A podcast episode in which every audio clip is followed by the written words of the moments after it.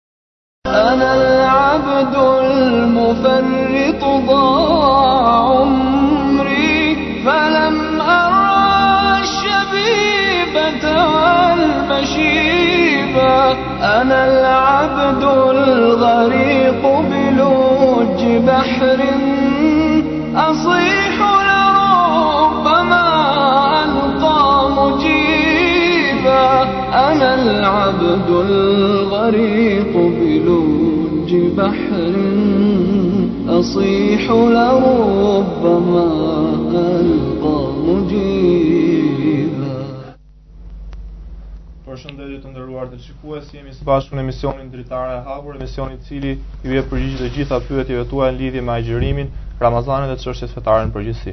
Në pjesën e parë të këtij emisioni do të flasim për mbylljen e Ramazanit. Për të na trajtuar këtë temë, kemi të ftuar në studio teologun e nderuar Imamin Ahmed Kalaja. Mirëmbrëma Ahmed dhe faleminderit që erdhët në studio.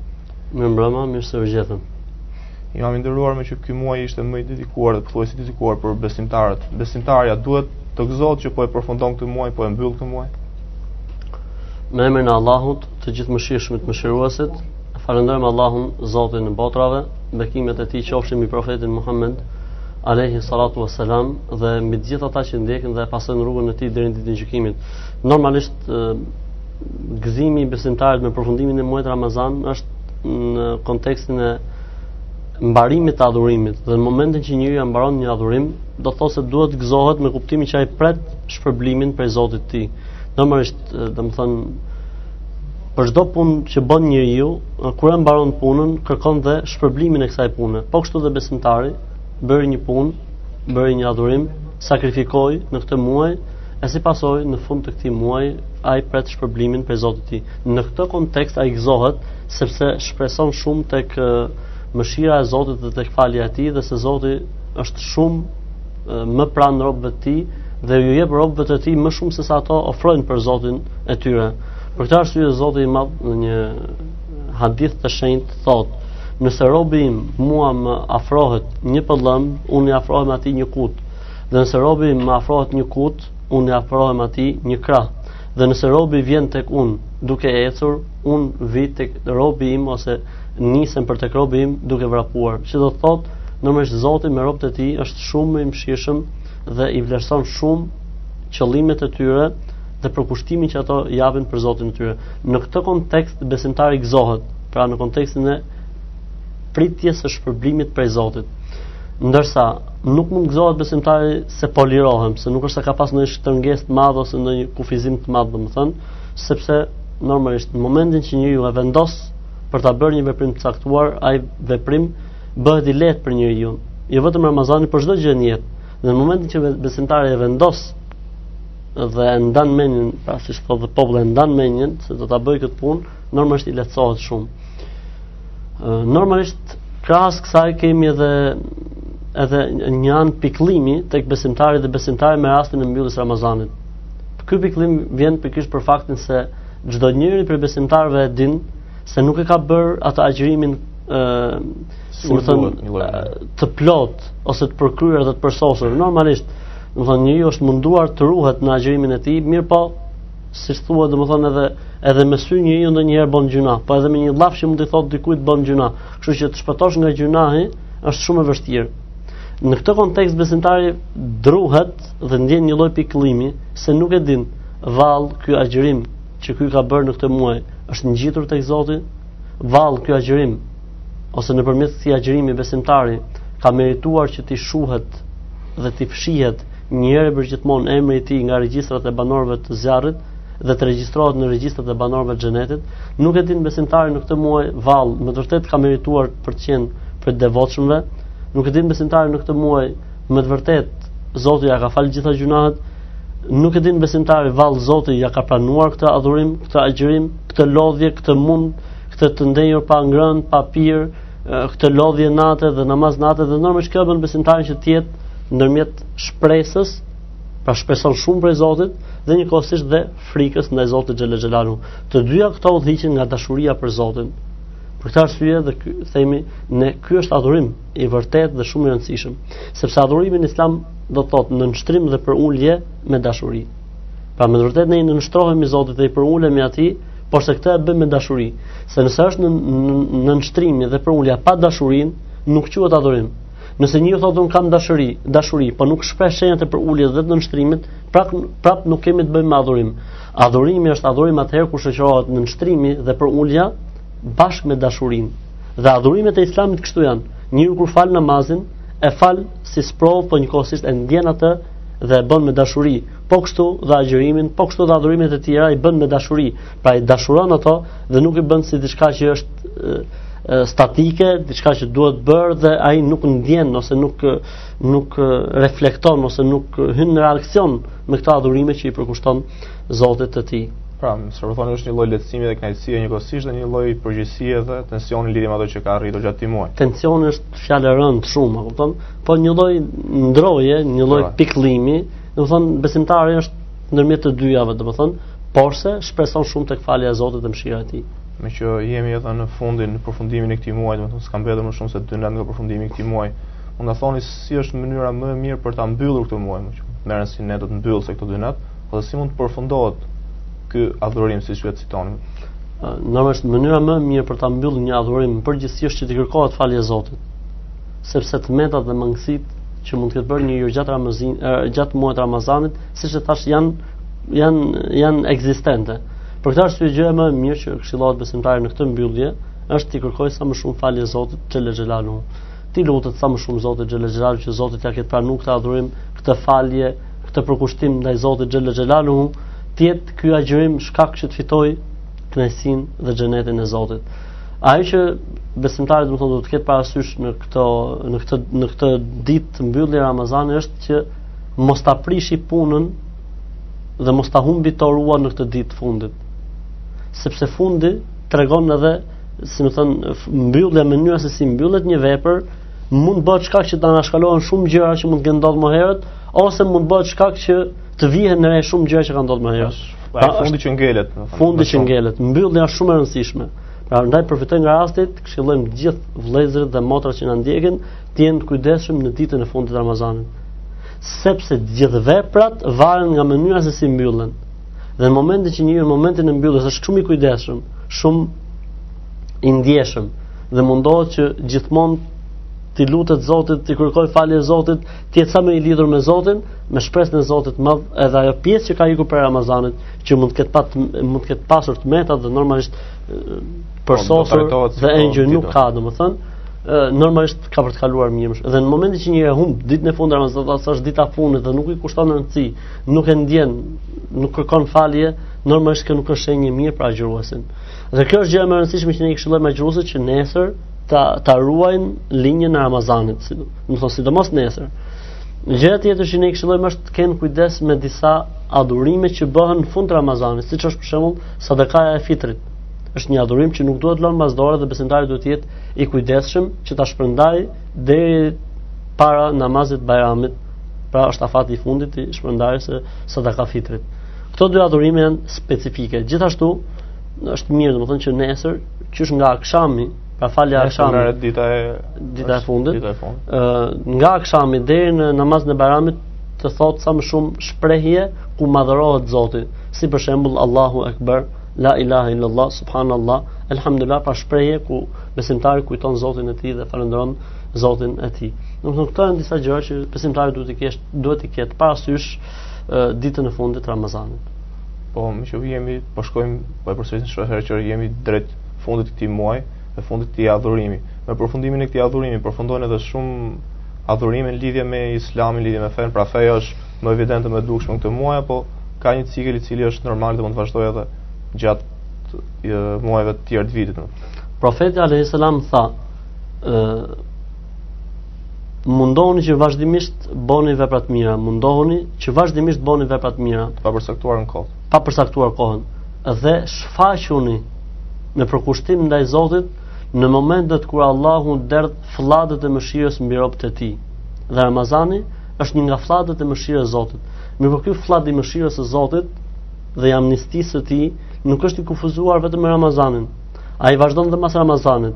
me ditë caktuara dhe në kohë caktuara. Kështu që besimtari mundohet që të shfrytëzojë në maksimum momentet e flladeve e flladeve hyjnore. Dhe normalisht flladet hyjnore, flladet e mëshirës së Zotit nuk përfundojnë me përfundimin e muajit Ramazan. Për këtë arsye besimtari musliman duhet të jetë adhurues i Zotit në vazhdimësi. Zoti Allahu nuk është vetëm Zoti i Ramazanit, ai është Zoti i të gjithë muajve. Ti vazhdon të jesh rob i Zotit dhe i nënshtruar ndaj tij dhe ndaj ligjeve të tij dhe jashtë Ramazanit, jo vetëm në Ramazan. Nuk është adhurues i vërtetë ai që adhuron Zotin vetëm në Ramazan, adhurues i vërtetë është ai i cili e adhuron Allahun xhel-le xhelaluhu në Ramazan dhe jashtë Ramazanit. Për këtë arsye besimtari nuk është Ramazanli, thjesht, po është Ramazanli dhe adhurues në vazhdim i Zotit xhel-le xhelaluhu. Allahu i drejtohet Muhamedit alayhi salatu wasalam në Kur'an duke i thënë: "Wa'bud rabbaka hatta ya'tiyaka al-yaqin." Adhuroje Zotin tënd derisa të të vijë vdekja. Pra Zoti i thotë Muhamedit alayhis salam, adhuroje Zotin tënd derisa të vijë vdekja. Pra nëse Muhamedi sa është i urdhëruar që ta adhurojë Zotin në vazhdimësi, atëherë ne pse duhet ta kufizojmë adhurimin e Zotit me muajin Ramazan? Adhurimi i Zotit gjithashtu duhet të jetë në vazhdimësi sa të ketë njeriu nevojë për Zotin.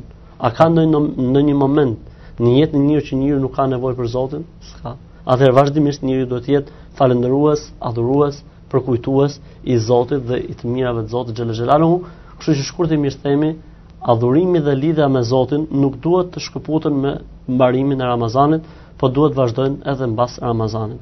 Pra imam i nderuar ju po vendosni theksin tek adhurimi dhe normalisht edhe tek Ramazani. Po meqë po flasim për Ramazanin dhe adhurimin. Përfitoj nga rasti, përfitoj nga rasti, më fal sepse në Ramazan njeriu e ka ndier ç'do të thotë adhurim, e ka shijuar ç'do të thotë adhurim. E ka shijuar ç'do të thotë ti je afër Zotit. Pra, atëherë ne themi vazhdo. Vazhdo me këtë dije. Se Zoti është prap pranë teje. Ti ke mundësi ta ndjesh këtë afrimitet të Zotit, këtë dashuri të Zotit, këtë mirësi të Zotit edhe jashtë Ramazanit. Pra meqë po jemi këtu te vazhdimësia e adhurimeve. Se adhurimi specifik që bëhet muajin e Ramazanit është uh, agjërimi, domethënë agjërimi çdo ditë gjatë këtij muaji. Si i këshilloni muslimanët ta mbajnë agjërimin edhe mbas Ramazanit apo agjërimi është i dedikuar vetëm për Ramazan dhe përfundon me përfundimin e Ramazanit? Normalisht Ramaz agjërimi është në Ramazan, po agjërimi nuk përfundon me Ramazanin. Agjërimi mund të bëhet edhe pas Ramazanit. Ka agjërim që bëhet në në në në rend muajsh, ka agjërim që bëhet në rend 10 ditësh, ka agjërim që bëhet në rend 2 ditësh, ka agjërime shlyese për Ramazanin apo agjërime shtesë. Në përgjithësi, pra kemi agjërim muajsh, siç është agjërimi i muajit Muharrem, i muajit Rexhep apo i disa muajve të tjerë. Kemi agjërim në rang 10 ditësh, siç është 10 ditëshi i Dhulhixhes. Kemi agjërim në rang 3 ditësh, siç janë 3 ditët e Ashuras. Kemi agjërim në rang 2 ditë po 1 ditë jo. Kemi agjërim në rang 1 ditë po 1 ditë jo. Kemi agjërim në rangun e të hënës dhe të enjtes. Kemi një agjërim në rangun e tre ditëve të mesit të muajit hënor. Pra gjitha këto janë lloje të agjërimit që nuk përfundojnë me agjërimin e Ramazanit. Pse? Sepse besimtari normalisht gjatë Ramazanit dashurohet ndoshta me adhurimin e agjërimit.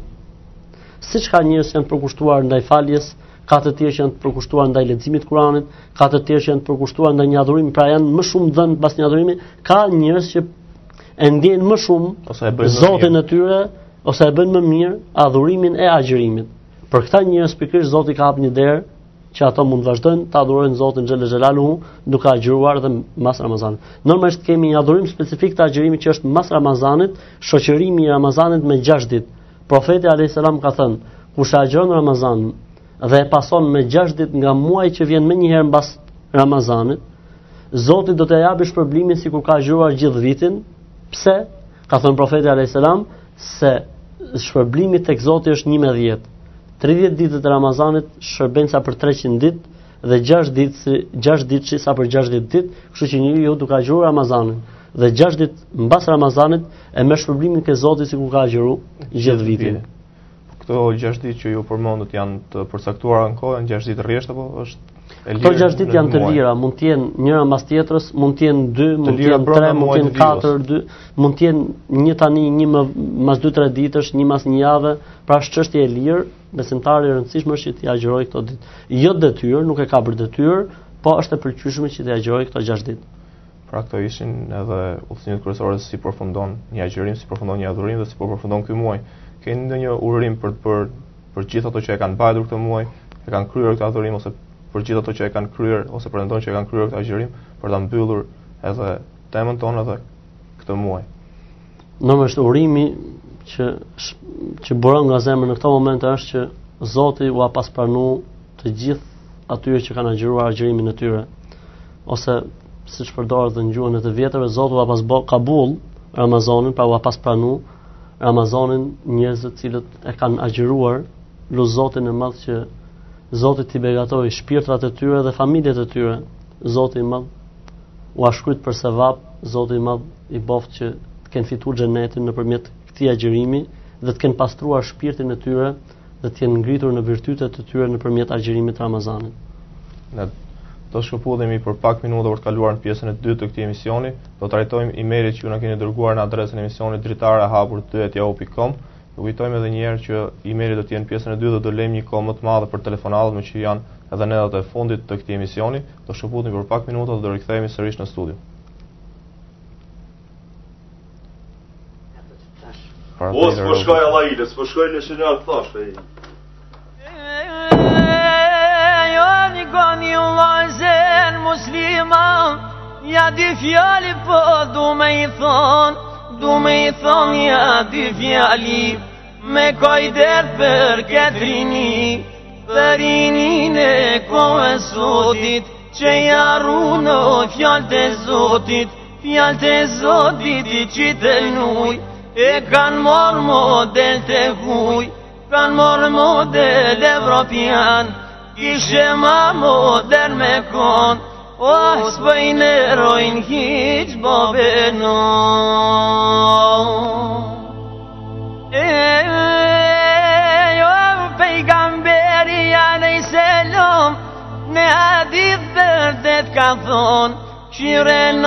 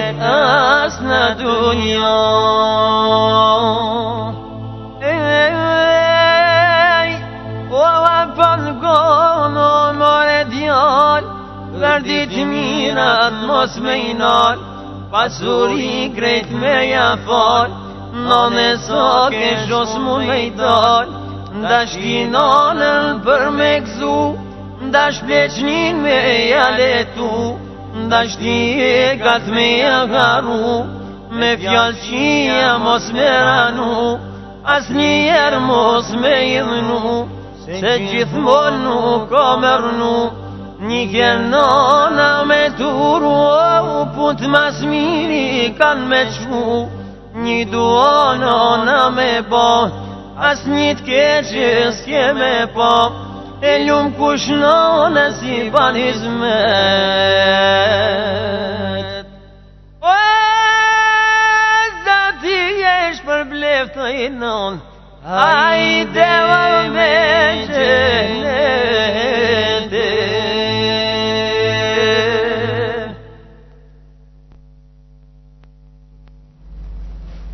Jemi në pjesën e dytë të këtij emisioni ku do të trajtojmë emailet që ju na keni dërguar në adresën e emisionit tonë dritare e hapur 2@yahoo.com. Fillojmë pa humbur kohë me emailin e parë. Thotë Imam i nderuar, tani që po vjen dhe fundi i këtij muaji të madhërueshëm, thotë, si mund ta kuptojmë që kemi marrë shpërblimin e adhurimit që kemi bërë gjatë gjithë këtij muaji dhe në qoftë se kemi arritur apo jo natën e Kadrit, në qoftë se kemi marrë shpërblimin e natës Kadrit. Normalisht ë siç e përmendëm edhe në fillim të emisionit, ajo që e shqetëson besimtarin në këto net është ta dijë a e ka pranuar Zoti adhurimin apo nuk e ka pranuar. Agjërimi i tij është ngjit tek Zoti apo nuk është ngjit tek Zoti. e ka arrit qëllimin e agjërimit apo nuk ka arrit. Normalisht ka një shenjë dhe një sekret nëpërmjet të cilës njeriu mund të kuptojë se agjërimi i tij është ngjit tek Zoti apo nuk është ngjit tek Zoti. Allahu ia ka pranuar agjërimin apo nuk ka pranuar. Kanë thënë dijetarët e Islamit, nëse do të dish se Zoti ka ta ka pranuar agjërimin apo jo, shif si je mbas Ramazanit. Nëse njeriu mbas Ramazanit shkon drejt përmirësimit dhe rregullimit, do thotë se Ramazani yt është i pranuar. Dhe nëse njeriu gjatë Ramazanit, mbas Ramazanit, keqësohet gjendja e tij me kuptimin e përkushtimit ndaj Zotit, bërjes mëkateve dhe gjynaheve, kanë thënë kjo është një shenjë që ndoshta Zoti nuk e ka pranuar agjërimin e Ramazanit. Pse? Ose argumenti kush është? Kanë thënë Nëse agjërimi është pranuar si adhurim, normalisht mbas të mirës vjen një e mirë tjetër, e mira tërheq të mirën. Që do thotë momentin që njeriu mbas Ramazanit bën të mira, do thotë se dhe agjërimi ka qenë i mirë, meqë mbas të cilit personi po bën një të mirë. Kanë thënë dhe e kundërta ndodh me të keqen. Nëse njeriu bën një të keqe, e keqja pasohet nga një e keqe tjetër, që do thotë e keqja tërheq të keqen. Nëse Ramazani nuk është pranuar, atëherë normalisht njeriu mbas Ramazanit keqësohet gjendja e tij. Për këtë arsye kanë thënë, njeriu me veprat e tij mbas Ramazanit tregon se si ka qenë gjendja e Ramazanit të tij. Kështu që normalisht do ta marrësh vesh se si është Ramazani yt mbas Ramazanit. Për këtë arsye mundohu që këtë përkushtim ndaj Zotit, dhe këtë ndjesi të afrimitetit me Zotin dhe këtë lidhje që ke krijuar me Zotin gjatë eh, muajit Ramazan, ta vazhdosh edhe mbas Ramazanit. Ose një lidhje me çka ka qenë para Ramazanit dhe çfarë është mbrapa, mos ka bërë Ramazani ndryshimin. Këtu çdo njeri mund ta kuptojë. Si si është puna në Ramazan, njerëzit janë të prirur për të bërë ndryshime për disa arsye. Pra krahasimin mund ta bëjmë çka ka qenë para Ramazanit. Krahasimin e bën mbas Ramazanit. Me ato çka ka qenë para, me ato që ka qenë para Ramazanit. Po, jo sepse në Ramazan, në Ramazan, sepse në Ramazan, Dyert e xhenetit janë të hapura. Dyert e xhehenemit janë të mbyllura. Toka ka qenë e mbushur me engjëj. Djajt dhe shejtanët kanë qenë dreqnit, kanë qenë të lidhur. Kështu që nuk ndodh domethënë që njeriu në Ramazan të ketë uljen po, në përgjithësi. Pra, në përgjithësi njerëzit në Ramazan janë në ngritje. Atëherë dallimi bëhet mbas Ramazanit me atë që njeriu ka qenë para Ramazanit. Këtu përfshihet edhe nata e Kadrit kuptohet, e ka kapur edhe. Gjithë, gjithë, gjithë. Shikuesi tjetër thotë A lejohet në ndonjë rast përdorja dhe mbajtja e nuskave me vete për raste kur kur je i kapur me magji? Bëhet fjalë thotë kur këshillimin për këtë nuskë ta ka dhënë një njeri që ka dije fetare, thonë, sikur ju në rastet tuaja e keni shpjeguar. Normalisht, në qoftë se nuska me Kur'an buron prej një njeriu i cili ka dije fetare, është i afirmuar në dijen e tij mbi shkencat islame, normalisht populli duhet të ndjeki këshillën e hoxhës dhe të imamit. Pra nuska është diçka që mbahet me vete? që gjithë kohës. Nuk tha shqetësim. Ai thot kam pyt një nxënës dije, kam pyt një hoxhë i cili ka dije fetare. Përgjigja është, meqë ti ke pytur një hoxhë i cili ka dije fetare, vepro siç të thot hoxha.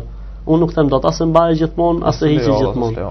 Çështja është përderisa ke një hoxhë, dhe ke pyt një hoxhë, përmbaju asaj që thot ai hoxhë. Sepse Zoti i madh thot në Kuran, pysni dijetarët nëse nuk dini, Pra ti ke një hoxhë, dhe ky hoxhë është ai që ty ta jep fenë. Atëherë, në momentin që ti do të dish diçka prej fesë, orientohesh nëpërmjet këtij hoxhe që të ka dhënë dhe këshillën. Kërkoj po emaili tjetër thotë pyetja ime lidhet me engjëllin që Zoti i madhëruar na e dërgon në momentin e vdekjes. Diçka më shumë në lidhje me momentin e ardhjes dhe veprimet që ndodhin më pas. Momentin e ardhjes së engjëllit dhe veprimet që ndodhin më pas. Nuk është Kjo është një pyetje disi e gjatë, domethënë, dhe normalisht ka nevojë për një trajtim të veçantë se çfarë i ndodh njeriut në momentet e vdekjes. Mirëpo, shkurtimisht ne mund të ndalemi, domethënë, profeti alejhi selam thotë në momentin që besimtarit i vjen çasti për të dorëzuar shpirtin tek Zoti, i vijnë melaiket e mëshirës së Zotit dhe ulen atje ku përfundon shikimi i njeriut. Derisa të vijë momenti i fundit. Dhe në momentin që vjen momenti i fundit i jetës, vjen engjëlli dhe qëndron tek koka e njeriut. Dhe njeriu e sheh engjëllin. Normalisht njerëzit nuk e kuptojnë pse njeriut në momentet e fundit të jetës i ngrin shikimi diku. Ai sikur i hapet atij diçka, ai sikur sheh diçka. Dhe me të vërtetë, i vdekuri në atë moment, sheh dhe vërteton atë që më herët e ka dëgjuar në lidhje me këtë moment, momenti i ardhjes së melekut të vdekjes.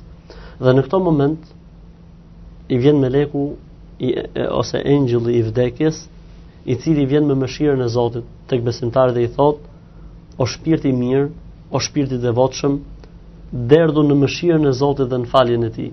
Thotë profeti alejhi selam, dhe në atë moment shpirti del prej trupit të besimtarit, ashtu siç derdhet ena me ujë. Nëse do ta derdhësh enën me ujë, si del uji, shumë thjesht, shumë lehtë, shumë shumë shpejt, po kështu dhe shpirti i besimtarit. Dhe thotë profeti alejhi selam, dhe del nga trupi i njeriut një aromë, si aroma më e këndshme që është parë ndonjëherë në historinë e njerëzimit, Mirëpo nuk e ndjejnë këtë aromë njerëzit dhe xhindët. Çdo gjë tjetër e ndjen këtë aromë të mirë. Thotë dhe e marrin shpirtin në pëlhurë, e vendosin në një pëlhurë prej pëlhurave të parajsës dhe e ngjisin për tek Zoti xhel-le xhelaluhu. Sa herë që kalon në grupet e melaikeve në rrugën për tek Zoti xhel-le xhelaluhu, e përshëndesin melaiket dhe thonë, o sa shpirt i mirë dhe i këndshëm. dhe e thërrasin me emrat më të bukur që njeriu ka dashtë që të thirret në jetën e kësaj bote. Derisa ngjiten melaiket e, engjëjt me këtë shpirt në këtë pëlhurë të parajsës në qiellin e parë.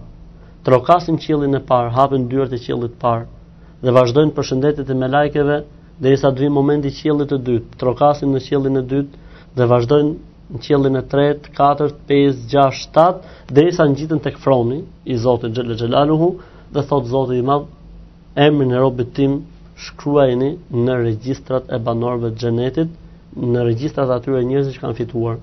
Dhe merret shpirti, kthehet edhe një herë me ato faza që ashtu siç u ngjit dhe vendoset derisa të vendoset në varrin e, e njeriut i cili ka vdekur, Dhe në momentin që njerëzit largohen dhe përfundojnë varrosin, kthehet shpirti në trupin e njeriut, po në për një jetë tjetër jo si jeta e kësaj bote.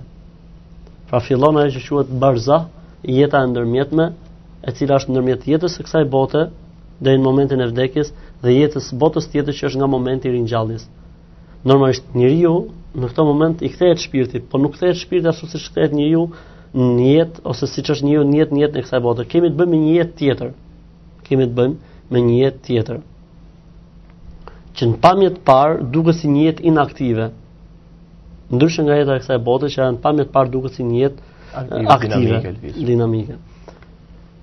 Thot në atë moment i vin melaiket e mëshirës së Zotit, me pamjen më të bukur, me teshat më të bukura, me erën më të këndshme, që vezëllojnë dritë e ulin. Normalisht kjo tani është një botë tjetër, se dikush thotë unë kam parë varr për shembull, e kam hap më 2 orë mbasi ishte varros i vdekuri dhe s'kam parë ndonjë që të ishte ul. Hm? Themi kjo është një botë që njeriu nuk e sheh dot. Pra kemi të bëjmë me me prioritetin e shpirtit. Në jetën e kësaj bote, prioritet dhe primar është trupi, pastaj shpirti. Që do të thotë, nëse dikush të gjun grusht thot, të dhem trupi, pastaj të dhem shpirti. Apo jo, kur gjun dikush grusht, kush dhem përpara shpirti apo trupi? Dhem trupi. Pastaj ti nuk ndihesh mirë, bëhesh nevrik, bëhesh nervoz, mban inat. Kjo është këto janë pasojat që lën dhimbjen në shpirt. Në varr ndodh e kundërta. punët i bën shpirti dhe pasojat vin tek trupi. Për këtë arsye ka pas raste që kur e kanë hap varrin, ose është zhvarros njeriu dhe ka qenë vendos njeriu në varrin e tij nga ana e Qabes, sepse kjo është tradita islame që njeriu në varr vendoset me fytyrë nga Qabja. I kanë gjetë njerëzit të kthyer nga ana tjetër. Dhe nuk është puna se kanë ardhur mas mas 10 vjetësh. Jo, kanë ardhur për punë 2 ditësh. për një çast, për një gjë të caktuar, për një hetim, nuk e kanë gjetur të vdekurin ashtu siç e kanë lënë. Kush e ktheu të vdekurin nga ana tjetër? Si ka mundsi? Pra është fuqia e madhe e Zotit dhe që tregon se aty ka jetë. Thot dhe e pyesin kush është Zoti yt? Kush është feja jote? Dhe kush ka qenë i dërguari yt? Dhe në një transmetim thot profeti dhe e pyesin kush ka qenë libri jot, të cilit i je referuar? Besimtari thot Zoti im ishte Allahu, Feja ime ishte Islami dhe i dërguari të cilit unë i kam besuar ishte Muhamedi sallallahu alaihi wasallam dhe libri të cilit unë i jam referuar është Kurani, famëlart. Në atë moment thot profeti alaihi salam, i hapet besimtarit një derë, një port nga ferri. Nga ferri? Nga ferri. Dhe i thuhet atij, "Ky do të ishte vendi yt në ferr, nëse ti nuk do të ishe përgjigj." I mbyllet ajo derë dhe i hapet një derë nga parajsa dhe i thuhet, Ky është vendi yt në parajs. Dhe në atë moment thot profeti alayhis salam, derdhen në varrin e besimtarit prej mirësive dhe begative të xhenetit dhe shpirti i tij jeton në një kandil i cili është i lidhur në xhenet.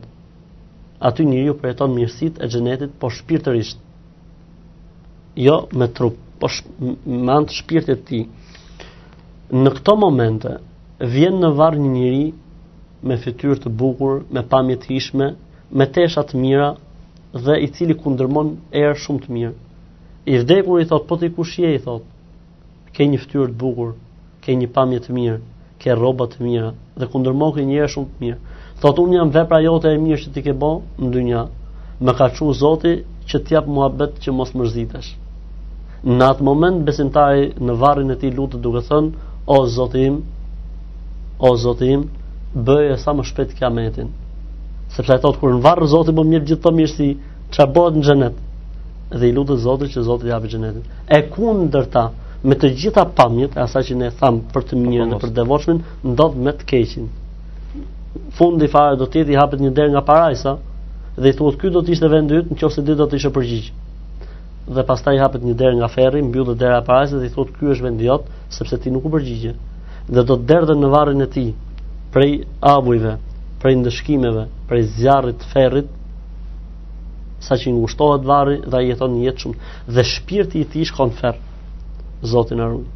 Dhe i vjen në ato momente një njeri me i pamje të keqe, me erë të keqe, me rroba të të të të të të, të grisura, me rroba të shpifura, me një erë të rëndë dhe i ulet në varrin e tij. Ky habitet thotë kush je ti thotë. Pamja jote nuk është pamje që të fut gëzim. Thot ftyra jote nuk duket një ftyrë e hijshme. Thot rrobat tua që i ke janë për ibret. Thot ti ku, e, ti kundërmoke një erë shumë të rëndë. Thot un jam vepra jote që ti ke bën dynja. Si më thon, më thon a m'ka çu Zoti me të mërzit. Kur shef ky se çfarë bëhet në ferr. Kur shef ky se çfarë po i ndodh në varr, thot o Zot asnjëherë mos e bë kiametin. Kjo është lutja e atij që ka mohuar dhe atij që nuk ka besuar. Lus Zotin e Madh që të na lehtësoj të gjithëve jetën e kësaj bote në besim, momentet e largimit nga kjo botë, duke thënë fjalën la ilaha illallah, sepse një njeri nëse vdes duke thënë fjalën la ilaha illallah, profeti alayhis salam ka thënë, ky njeri që vdes duke thënë la ilaha illallah do të jetë prej banorëve të xhenetit. Lus Allahun që të na lehtësoj punët në varret tona. Lus Allahun e madh që të jenë varret tona kopsht prej kopshteve të xhenetit dhe mos të jenë gropa prej gropave të zjarrit xhenemit. Do kalojmë edhe në emailin e fundit të cilin do trajtojmë në këtë pjesë të dytë të këtij emisioni. Thot imam i nderuar, dua shkurtimisht të di tefsirin e ajetit Allahu është drita e qiejve dhe e tokës në surën Nur. Edhe këtu besoj se ka nevojë për një shpjegim të ndaj. Pak ko. Zoti i Madh thot në surën Nur, Allahu nurus samawati wal ard. Allahu është drita, nuri i qiejve dhe tokës. Cili është kuptimi? Do të thotë Zoti xhel-le xhelaluhu Allahu është burimi i dritës me të gjitha kuptimet e dritës dhe të ndriçimit. Pra nuk mund të ndriçonte asgjë qoftë se Zoti nuk do të jepte dritë. Dhe është drita e gjithçkaje me kuptimin e udhëzimit dhe orientimit. njeriu i paudhëzuar është në errësirë. Sado që të përjetoj mirësi dhe begati, sado që të përjetoj post dhe të ketë karrierë, sado që të kënaqë epshet e tij, njeriu i paudhëzuar është në një dhomë të errët.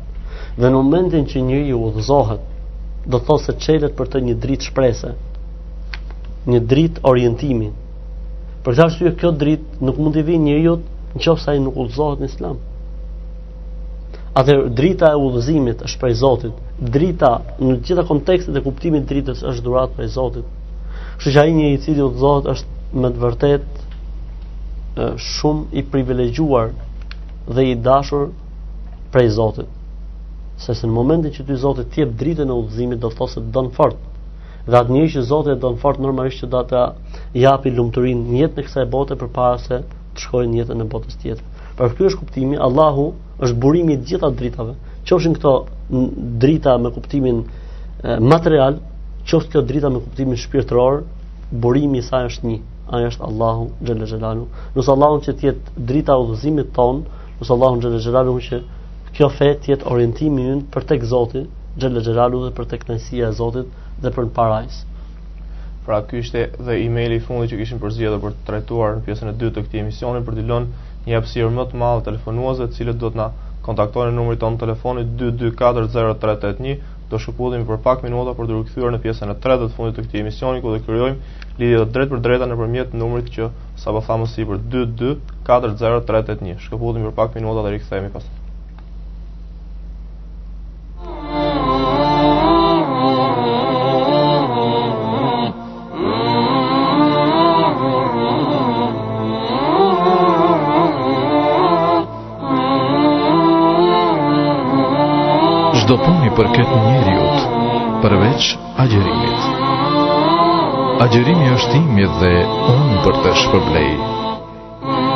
Agjerimi është mbrojtje.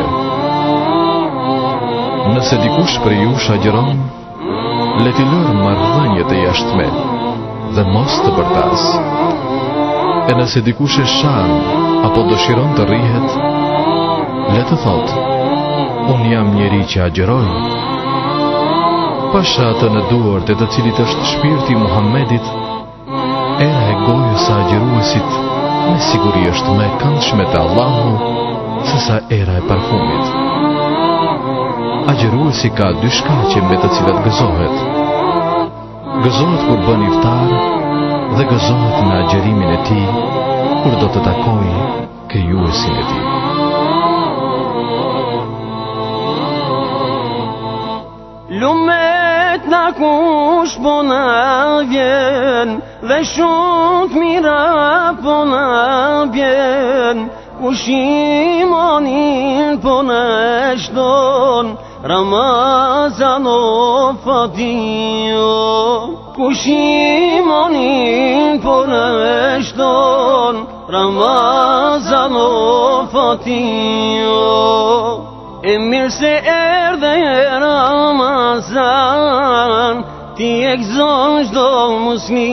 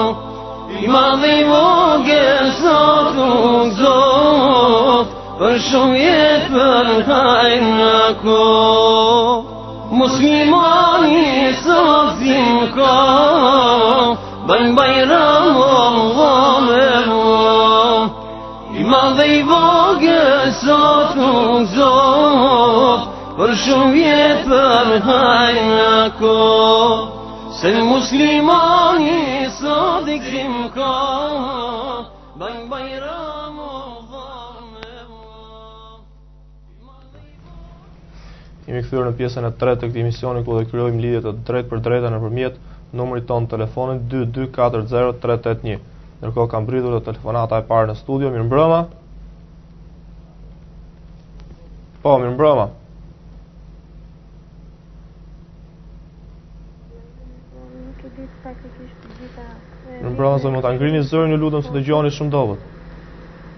Ëm doja të pyesja dje u bë një pyetje për ato mallkime që mund të japin fëmijës. Po.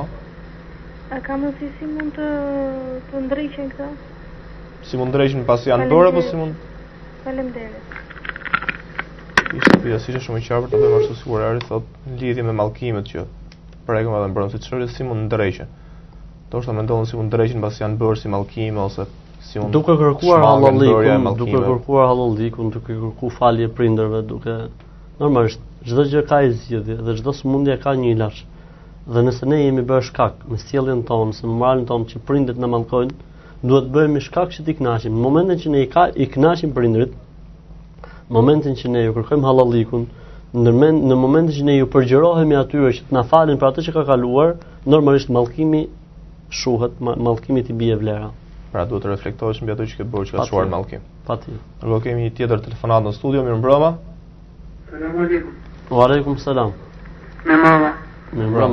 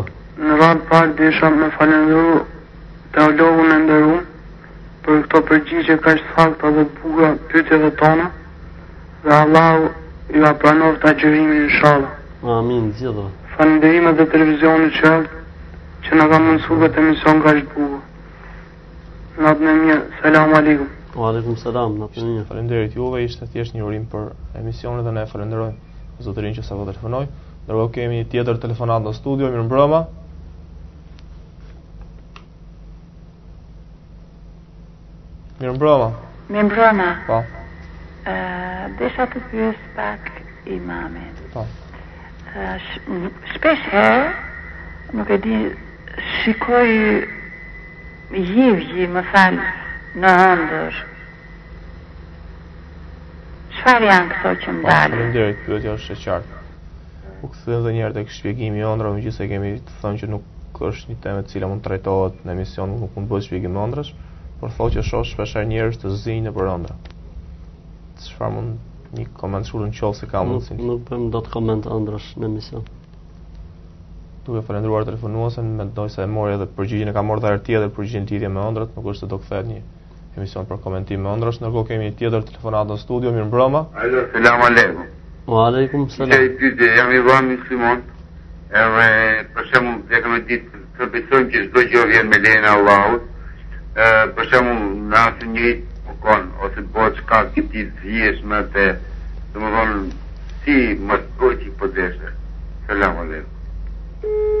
Kthehem dhe një herë te ajo që është të thënë, thot, ajo që është e përcaktuar nga Allahu, thot, në rastin e zënkave me një njeri, ose një gjë e tillë më shpjegoj, që është pak si e paqartë dhe pyetja.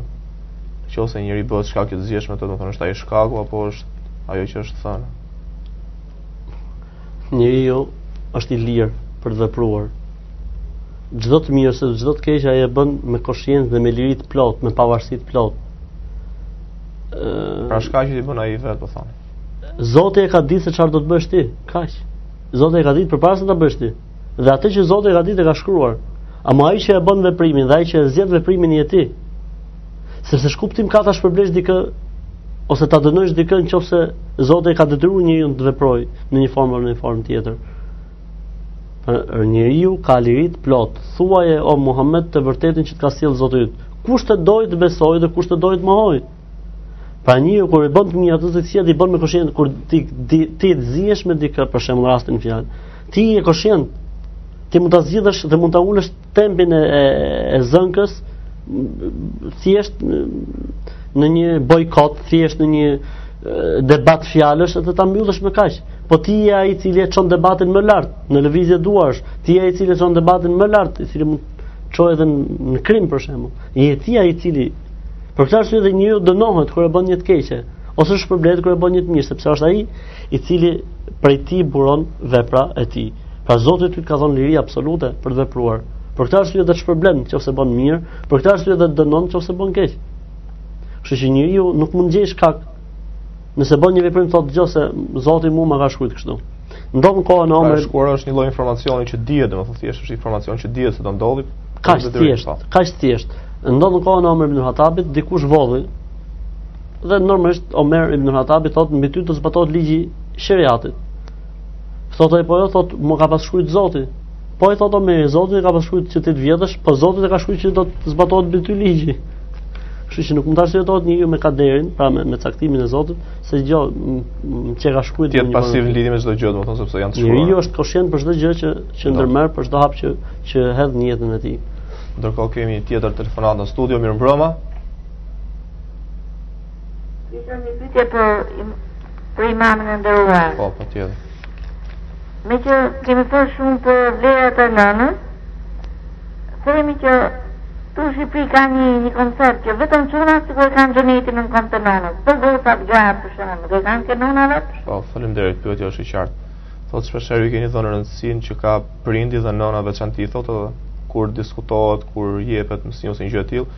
i duket sikur ju kjo ju dedikohet vetëm çunave, sikur çunat e kanë xhenetin te këmbët e nënës. Po për vajza thotë, është e njëjta e njëjta gjë. Ne s'kemi bërë dallim. Profeti thotë, do të kemi dhe hadithe në temën që jepet. Thotë atje në këmbët e nënave është xheneti, nuk ka thonë për djem. Kjo është vlen për për për për, për dy gjini, domethënë, për djem dhe për vajzën. Pra nuk ka kufizim për bijtë dhe për bijat. E rëndësishme është që te këmbët e nënës është xheneti. dhe tek këmbët e babës, jo vetëm këtë tek nonës. Po nona është shumë ka një lidhje më të afërt. Më të afërt, domethënë, pozicioni i saj është i pa konkurueshëm. Nëna, nëna, nëna, baba. Kjo është renditja. Në vend parë nëna, në vend dytë nëna, në vend tretë nëna, në vend katërt vjen baba. Kështu që Dhe kjo vlen për të gjithë njerëzit. Për për të gjithë fëmijët, normalisht. Djalë fal. Dhe unë nuk di ndonjë hoxhë për shembull që kur e komenton këtë gjë të thotë çunat e kanë xhenetin këmbët te këmbët e nënëve të tyre. Kjo vlen për të gjithë njerëzit. E thashë, jo citoj se nuk është shprehur identik kështu por në sensin e debatit. Ndërkohë kemi një tjetër telefonatë në studio, mirëmbrëma. Selam aleikum. Wa aleikum selam. Allah ju shpërbleftë me xhenet.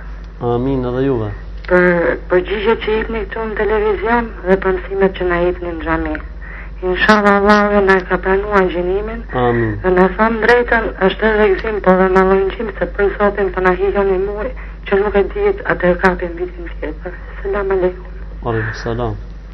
Allahu e shpërbleftë telefonuesen që sapo mori në telefon bëri një lidhje me temën e parë që ne patëm lidhje me mbarimin e këtij muaji, lidhje me ato që kanë kaluar dhe për, për ato që pretendojnë që kanë marrë nga ky muaj. Ndërkohë kemi një tjetër telefonatë në studio, mirë mbrëma.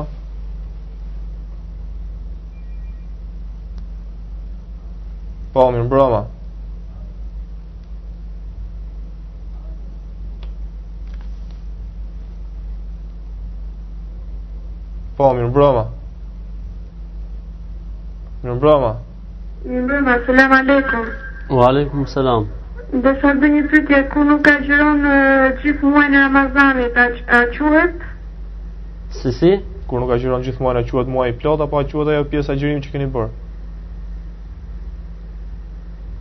Kaq ishte edhe pyetja, kur nuk agjëron gjithë muajin e Ramazanit a quhet, mendoj se konteksti mund të ishte a a quhen ato pjesë të muajit që mund të ketë bërë. Normalisht ato pjesë të muajit që njeriu ka agjëruar i quhen, pjesa tjetër duhet kompensuar ose duhet bërë më vonë.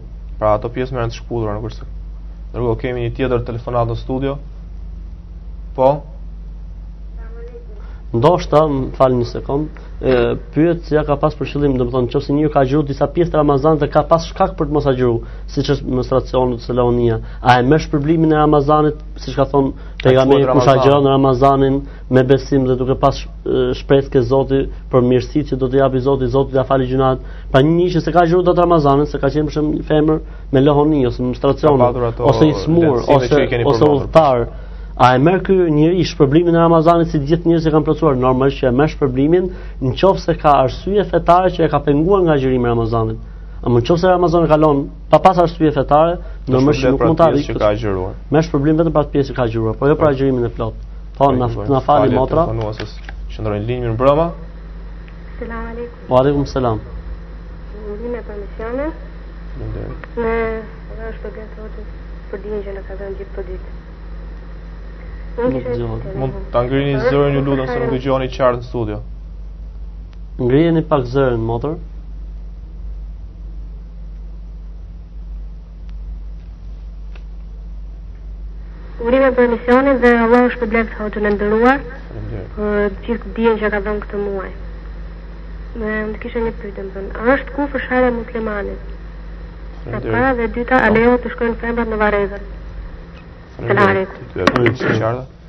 Pyetja e parë thotë a është kufër sharja e muslimanëve?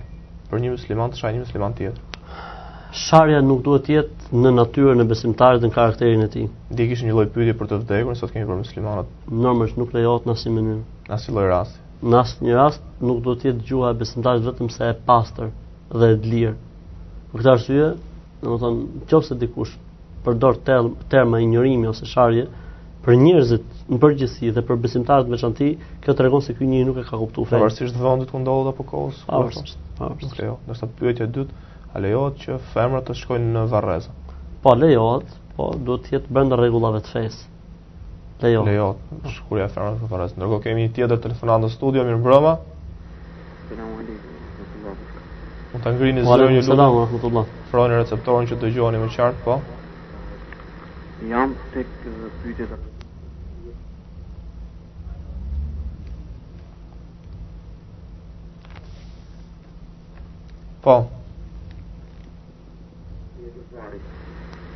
Më dëgjoni? Po, mund ta përsëris pyetjen nga fillimi, po. Aty thuhet që uh, shpirti, shpirtrat domethënë atje takohen dhe pyesin për njerëzit domethënë që janë në jetën e kësaj dynjaje. Që janë gjallë. Gjallë akoma. Për çfarë shpirtrash bëhet fjalë? Çfarë pyetjesh janë ato? Dhe diku një dietar i Islamit thotë uh, të gjithë Çdo gjë në gjithësi lëviz drejt asaj që do, domethënë shtytësi është dashuria. Atëherë, a është kjo si pikë referimi, që njeriu që është krijesa më e lartë, të shofi në vetvete se çfarë do dhe ku do të shkojë? Mund të më plotësosh pak me koment këtë fjalë? Po, faleminderit. Dhe Allahu është Faleminderit. Faleminderit. Pyetjen pyetja e parë ishte thotë Në jetën e varrit që sapo përmendëm, thotë ka një uh, hadith apo komentim, nuk ishte qartë se çfarë ishte që shpirtrat takohen me njëri tjetrin, edhe përmendin uh, njerëzit e gjallë, domethënë u tregojnë përshëndesin njerëzit e gjallë, a është një gjë e tillë? Pjesa e parë e pyetjes është e saktë, që takohen shpirtrat me njëri tjetrin atje. Shpirtrat e besimtarëve takohen. Deri këtu është në rregull. Pjesa tjetër pastaj nuk është e saktë, nuk është e saktë.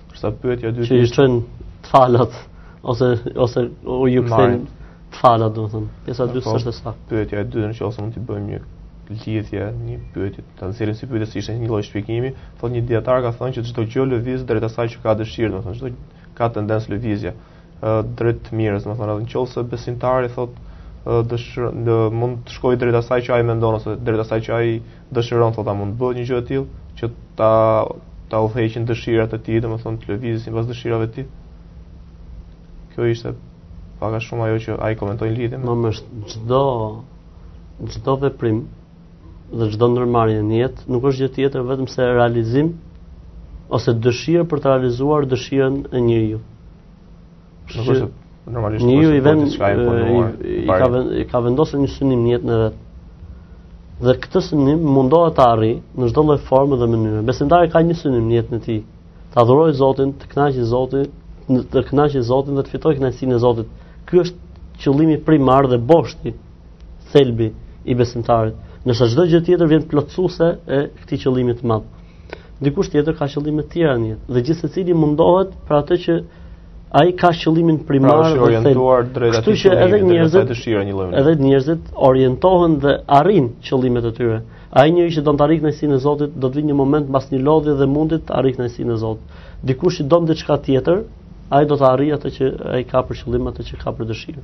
Pra një lloj mënyre njerëzit normalisht që shkojnë pas dëshirave të tyre, një lloj mënyre. Jo, janë dëshirat ata që, që ata që udhëheqin njeriun. Dëshira për të mirën ose dëshira për të keqen. Dëshira për të mirën mbas asaj që njeriu koncepton se është e mira për të ose dëshira për